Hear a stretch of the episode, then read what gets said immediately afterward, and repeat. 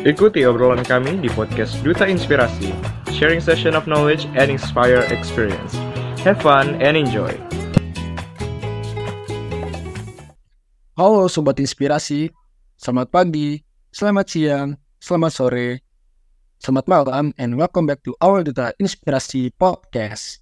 Oke Sobat Inspirasi, aku, Damai Rifki Pangestu, Duta Inspirasi Indonesia Provinsi Jawa Tengah, yang akan menemani kalian pada segmen yang sangat menarik, yaitu Ngobras episode 2, dengan tema Pemuda dengan Jati Diri dan Mindset.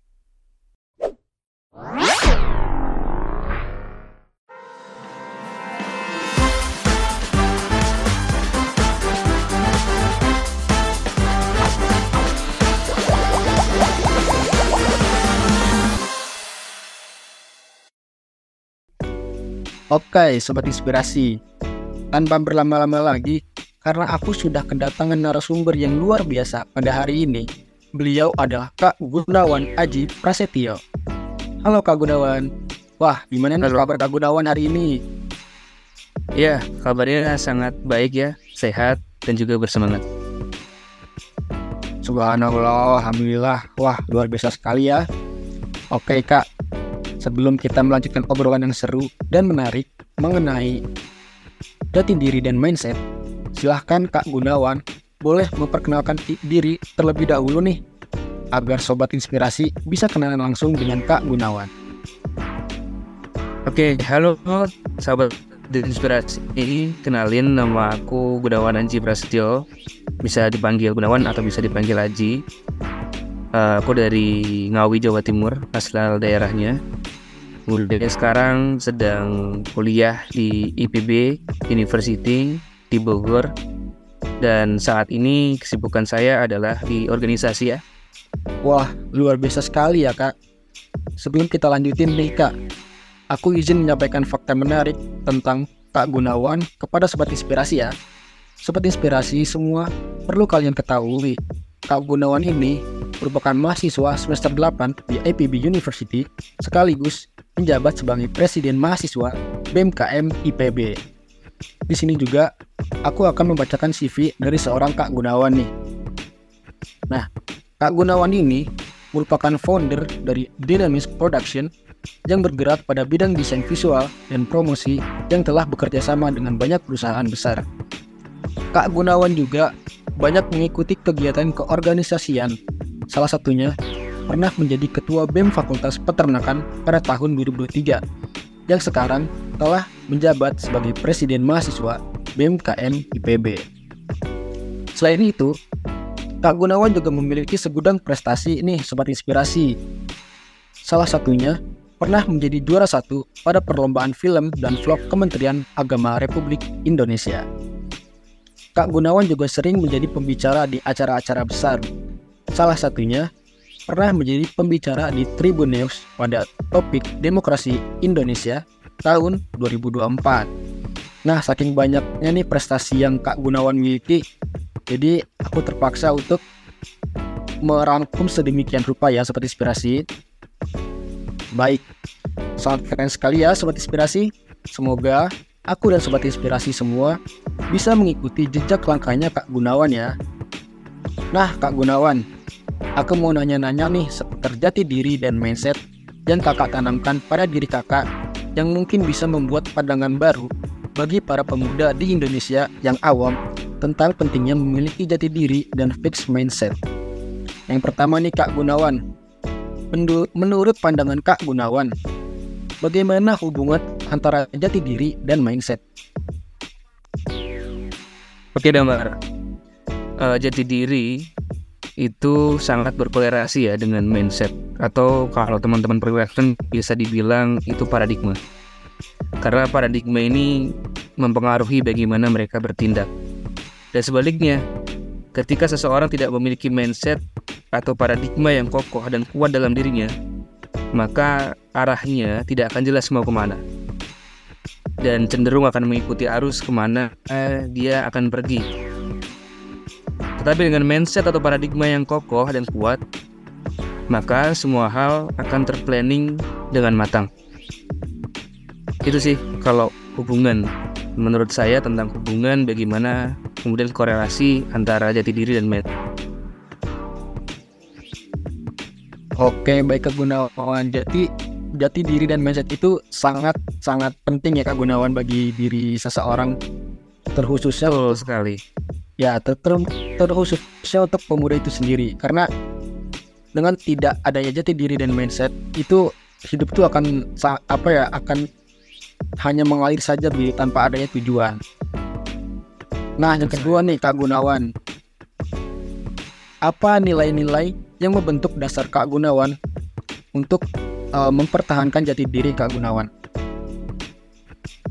Ya.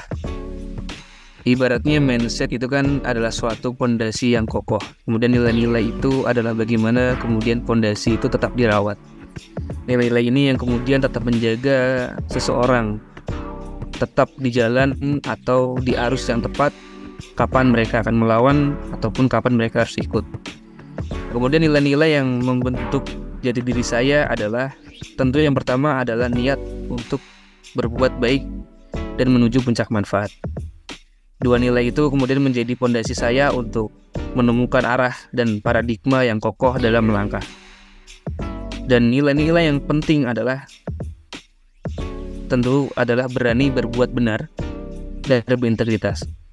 Kita sama-sama mengerti ya, sekarang bangsa ini membutuhkan pemuda-pemuda yang kemudian menjunjung nilai-nilai dan etika. Dan nilai-nilai itu kemudian akan menjaga dirinya untuk tetap di jalan yang tepat dengan mindset yang keras. Itu sih Damar. Oke, baik Kak Gunawan. Jadi untuk mempertahankan jati diri itu perlu adanya keberanian ya Kak Gunawan untuk berani melangkah, untuk berani berbuat sesuatu yang benar gitu ya Kak Gunawan. Betul Damar, karena ibaratnya kalau cuman berani saja, anak-anak kecil juga berani mereka. Tapi keberanian untuk kemudian berbuat benar itu jarang sekali. Banyak sekali contohnya dalam proses demokrasi atau dalam menyikapi isu di bangsa ini atau hal-hal yang kemudian berkaitan dengan rakyat. Kalau kita tidak berani untuk berbuat baik dan berbuat benar, maka saya rasa ya sia-sia saja, berani saja nggak cukup, harus berani berbuat benar. Itu sih Damar. Wah, aku setuju banget sih dengan Kak Gunawan ini karena betul dengan apa yang dibilang Kak Gunawan bahwa keberanian itu tidak hanya keberanian semata tapi harus ada nilai-nilainya. Itu ya Kak Gunawan. Baik, baik. Oh, pertanyaan selanjutnya Bagaimana Kak Gunawan mengembangkan dan memelihara mindset positif dalam kehidupan sehari-hari? Iya, saya sering membaca buku ya yang berisi tentang di mana kita berada, di situ kita terbentuk. Simpel saja teman-teman teman-teman sahabat inspirasi semuanya bahwa menurut saya salah teman ya, salah pergaulan, salah tempat nongkrong dan diskusi saja. Bila pondasi kita dan akar kita belum sekuat itu, saya jamin dan saya berani bertaruh orang itu juga akan jatuh juga. Jadi, kunci kemudian untuk menjaga mindset dan nilai-nilai itu adalah berada di lingkungan yang baik, berada di circle pertemanan yang mendukung dan juga baik-baik orangnya, berada di tempat nongkrong yang kemudian tidak merugikan kita sendiri. Prinsip saya adalah ketika nongkrong nih misalnya ya, Ketika saya nongkrong, saya harus memastikan bahwa ketika saya nongkrong di tempat itu, saya bisa memperoleh pengetahuan baru. Itu minimal banget itu. Biar minimum saya untuk nongkrong bersama seseorang. Itu ya. Kemudian untuk mengasah daya pikir, kemudian daya kritis kami, kami bisa melakukan diskusi. Nah, salah tempat diskusi itu juga bisa merusak semua mindset kita. Maka kunci dari saya adalah untuk tetap menjaga pertemanan, memilah dan memilih teman. Ini bukan berarti mendiskreditkan siapa pun ya. Tapi untuk menjaga itu semua kita harus bisa memperoleh tempat diskusi yang baik, teman-teman yang baik, yang selalu mendorong kita untuk menuju arah kebaikan dan menuju puncak manfaat. Itu Baik Kak Gunawan, benar sekali ya Sobat Inspirasi bahwa circle itu sangat-sangat mempengaruhi pola pikir kalian, jati diri kalian, kepribadian kalian karena uh, bisa dibilang circle kalian itu gambaran dari sifat kalian gitu loh. Nah mungkin aku mau nanya nih kak seputar circle-nya yang mungkin sekarang-sekarang tuh circle pada zaman sekarang tuh lagi uh, apa ya jadi suatu hal yang mungkin kebutuhan ya mungkin ya circle itu. Nah bagaimana tanggapan Kak Gunawan mengenai orang-orang yang memiliki circle negatif dan orang itu tuh kayak dia tuh hanya ingin uh, berdiam diri di zona nyamannya. Jadi jadi dia itu tidak mau me mengeksplor lebih luas lagi tentang uh, apa yang dibilang Kak Gunawan tadi tentang uh, pertemanan yang baik, mencari pertemanan yang sehat, yang yang dapat uh, melatih pola pikir seseorang begitu Kak Gunawan mungkin. Oke, bagus ya pertanyaannya. Uh, ini mungkin juga menjadi bisa menjadi pandangan atau menjadi salah satu literatur untuk teman-teman sahabat inspirasi bahwa menemukan circle itu baik kok. Kita berada di lingkungan circle itu menurut saya juga baik. Tapi ada kalanya teman-teman harus fight for yourself. Jadi kapan teman-teman akan bertaruh akan kemudian mempertaruhkan hidup teman-teman sendiri dan juga bisa bersama-sama. Teman-teman harus bisa bedakan karena sederhananya adalah misalnya di tingkat pertama atau tahun pertama kita kuliah. Itu banyak sekali pengaruh-pengaruh yang kemudian akan menyangkut masa depan kita. Dalam organisasi atau dalam menentukan pilihan, ikut lomba, dan hal-hal yang fundamental yang lain. Kalau teman-teman punya circle yang mendukung, oke, okay, mungkin mereka juga akan mendukung teman-teman untuk melangkah lebih jauh lagi. Tapi kalau circle-nya tidak mendukung untuk teman-teman bisa berbuat yang jauh itu, artinya teman-teman harus menentukan pilihan bahwa teman-teman harus berjuang untuk diri teman sendiri, diri teman-teman sendiri. Contoh, saya di BEM, di organisasi BEM itu circle saya nggak ada yang ikut BEM sama sekali mereka tidak mendukung mereka tidak pernah suka orang-orang BEM. Tapi kemudian saya menyadari potensi saya bahwa saya mau menjadi seorang leader. Menjadi seorang yang kemudian akan bermanfaat di sana. Ya udah saya keluar dari circle itu saya mencoba mencari rumah yang baru. Alhamdulillahnya saya ketemu dengan rumah kepemimpinan. Di sini teman-temannya baik-baik, berintegritas, punya visi yang besar, soleh, ya kemudian mereka mendorong saya untuk terus bermanfaat sehingga saya sampai di puncak di sini. Menjadi presiden mahasiswa. Mungkin menjadi presiden mahasiswa bagi orang-orang di luar sana biasa-biasa saja. Tapi kalau di IPB ya mungkin Damar juga tahu sendiri ya bagaimana susah payahnya untuk bisa ada di titik ini. Nah itu. Jadi kuncinya adalah uh, oke okay, teman-teman boleh bersirkel memiliki kelompok. Tapi jangan tergantung di sana. Jangan memutuskan keputusan karena keputusan circle, tapi putuskan apa yang menjadi keputusan atas diri sendiri dan dengan kesadaran yang penuh. Begitu Damar. Wah, baik luar biasa sekali ya uh, tanggapan dari Kak Gunawan ini. Aku mau sedikit highlight nih dari kata-kata Kak Gunawan bahwa betul banget kata Kak Gunawan itu bahwa kita tuh harus fight for yourself. Artinya bahwa kehidupan itu milik kita. Sesungguhnya kehidupan itu milik kita. Jadi circle pertemanan itu hanya uh, untuk uh, sebagai teman di hidup kalian. Tapi uh, sejatinya bahwa kehidupan itu adalah milik kalian sendiri. Jadi uh, jangan terlalu terpengaruh dengan circle dan uh, kalau bisa benar kata Kak Gunawan tadi, carilah circle pertemanan lingkungan yang membawa kalian ke jenjang yang lebih positif yang lebih bermanfaat bagi orang-orang sekitar. Tentu itu sobat inspirasi. Baik Kak Gunawan, kita ke pertanyaan selanjutnya. Boleh dong ceritakan pengalaman Kak Gunawan dalam menghadapi tantangan yang berpotensi dapat menggoyahkan jati diri dan mindset Kak Gunawan. Oh iya, uh, pengalaman ya pengalaman saya tentu banyak ya yang kemudian berpotensi untuk mengoyahkan diri saya misalkan dalam proses pencalonan diri sebagai presiden mahasiswa ataupun jadi ketua BEM itu sangat sangat menggoyahkan mental, menggoyahkan fisik, menggoyahkan mindset, menggoyahkan niat, menggoyahkan semuanya. Tapi itu semua kemudian akan terselamatkan ketika kita berada dalam lingkungan yang positif. Balik lagi, semua hal dalam hidup itu itu dimulai dari lingkungan yang positif. Dari keluarga yang selalu support, dari teman-teman yang kemudian saling mendukung, dari diri sendiri yang kemudian bisa menerapkan prinsip-prinsip nilai-nilai yang seharusnya dijaga. Jadi pada waktu itu saya memiliki beberapa permasalahan ya. Uh, politik kampus itu mungkin akan kompleks sekali ya untuk dijelaskan.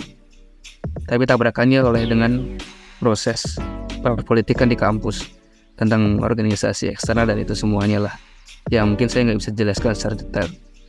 Tapi intinya saya melewati itu dengan aman dan sentosa karena saya punya keluarga yang selalu mendukung teman-teman yang selalu mendengar dan memberikan solusi dan sekedar support itu penting banget bagi kami itu sih damar pengalaman saya kalau SMA mungkin ya uh, di ketua osis ya. Saya dulu tuh ketua osis waktu SMA saya masuk ke juga ketua osis. Menjadi ketua osis itu bukan suatu hal yang mudah bagi saya.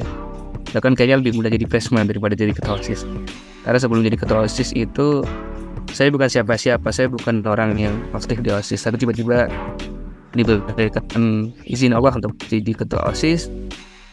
Dan ketika jadi ketua OSIS itu sangat berubah mindset saya bagaimana proses pendewasaan saya bagaimana kemudian saya harus mengatur orang bagaimana saya harus berbicara mengenai kepentingan kelompok dan sebagainya. Begitu dong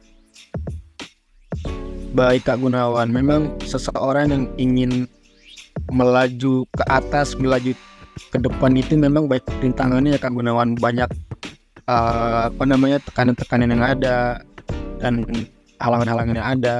Nah mungkin ini bisa jadi pelajaran juga nih buat para pemuda di Indonesia nih Kak Gunawan. Khususnya untuk Gen Z ya Kak Gunawan. Nah Kak Gen Z itu kan terkenal dengan gen apa generasi yang lembek ya Gunawan. Yang di mana uh, generasi ini tuh ketika diberi tekanan, ketika uh, uh, digoyahkan, ketika diberi uh, uh, suatu beban itu mereka akan uh, mudah putus asa gitu. Jadi kayak mereka tuh ah aku di sini uh, tekanannya banyak banget nih. Mental healthku terganggu nih. Mental illness nih aku nih. Nah gitu. Dan akhirnya seseorang itu memutuskan untuk udahan di tengah jalan. Nah kira-kira bagaimana tanggapan Kak Gunawan tentang fenomena itu Kak? Iya, Gen Z ini mungkin kita sebenarnya terpaksa bersepakat dengan spekulasi yang dibuat oleh orang-orang di luar sana. Penggolongan Gen Z, kemudian generasi strawberry, milenial, itu kan sebenarnya kesepakatan yang mungkin kita juga nggak apa-apa kalau nggak masuk. Tapi intinya adalah uh, terlepas dari kesepakatan yang mungkin kita nggak sepakat itu, yang paling penting adalah bagaimana kita bisa uh, tetap pada prinsip-prinsip dasar kita. Maka ketika mungkin orang-orang bicara mengenai gensi yang suka uh, lembek, yang suka kena mental atau hal yang sejenisnya, kalau kita nggak sepakat itu boleh aja. Dan kita harus nggak sepakat dengan itu. Dan saya nggak sepakat juga tentang itu. Karena menurut saya, menurut saya sendiri adalah saya adalah pribadi yang akan terus berjuang di mana pun saya berada. Saya akan berdiri di kaki saya sendiri dan mengejar mimpi-mimpi saya. Saya tidak akan semudah itu menyerah. Saya akan mengejar cita-cita saya dan membahagiakan orang tua saya. Ketika kita bisa menerapkan prinsip dasar dan menolak kualifikasi yang diberikan oleh manusia lain mengenai kapan kita lahir itu, maka kita akan terbang bebas, damar, sahabat inspirasi semua. Maka jangan mau dikualifikasikan sebagai Gen Z yang lembek. Jangan mau dikualifikasikan sebagai Gen Z yang suka kena mental. Jangan mau dikualifikasikan sebagai orang yang selalu uh, tidak melihat proses dan selalu meminta hasil. maka teman-teman harus berubah dan membuktikan bahwa klasifikasi yang kemudian disampaikan oleh siapa pun di luar sana itu itu salah. Dan itu prinsip saya. Saya ingin membuktikan kepada siapa pun di luar sana bahwa klasifikasi orang-orang yang lahir di tahun 2002 dan ke atas atau ke bawah sedikit itu salah. Bahwa generasi saya dan saya sendiri adalah orang-orang kuat yang akan terus berjuang dan untuk kepentingan bangsa ini. Begitu. Baik Kak Gunawan, aku pribadi setuju banget dengan Kak Gunawan. Aku sendiri Gen Z yang ada di pihak Kak Gunawan bahwa benar kata Kak Gunawan tadi bahwasanya Gen Z itu tidak selembek itu dan kita generasi Gen Z itu seharusnya uh, menolak statement bahwasanya Gen Z itu lembek, Gen Z itu uh, lemah. Itu kita harus tolak bahwa Artinya kita harus membuktikan bahwasanya Gen Z itu punya kepribadian yang lebih kuat, punya jati diri yang lebih kuat, punya mindset yang lebih tajam daripada generasi-generasi sebelumnya. Bahwa kita ini di era modern, kita ini bisa lebih berkarya lagi, bisa lebih mengekspresikan apa yang kita mau. Jadi uh, jadi anak generasi Z itu sebetulnya sangat menguntungkan ya teman-teman. Dapat inspirasi semua. Jadi oh, bener kata Kak Gunawan tadi yang harus kalian ingat adalah kalian harus menolak statement bahwasanya Gen Z itu lembek. Itu itu bisa kalian tolak kalian harus membuktikan bahwasanya Gen Z itu adalah generasi yang kuat generasi yang tangguh dan generasi yang memiliki masa depan cerah mungkin begitu sobat inspirasi oke baik Kak Gunawan Pertanyaan kelima nih Kak Gunawan. Dari 1 sampai 10, seberapa penting pengembangan jati diri dan mindset dalam menjalani kehidupan yang kompetitif? Dan mengapa Kak Gunawan memberikan red demikian? Oke. Ya, mengenai red saya akan kasih 10 ya. Karena jati diri dan mindset itu kemudian akan membawa kita jadi apa ibaratnya gini ibarat sebuah kapal yang mulai berlayar ketika seorang kapten kapal yang tidak punya peta pasti dia akan selalu kebingungan didorong angin dari depan kapalnya. Mundur didorong angin dari belakang kapalnya maju. Nah mindset ini mindset ini adalah peta. Dan jadi diri adalah kapal yang gitu ya. Jadi mindset menjadi peta yang kemudian jadi arah berlayar dan jati diri adalah kapal yang kokoh.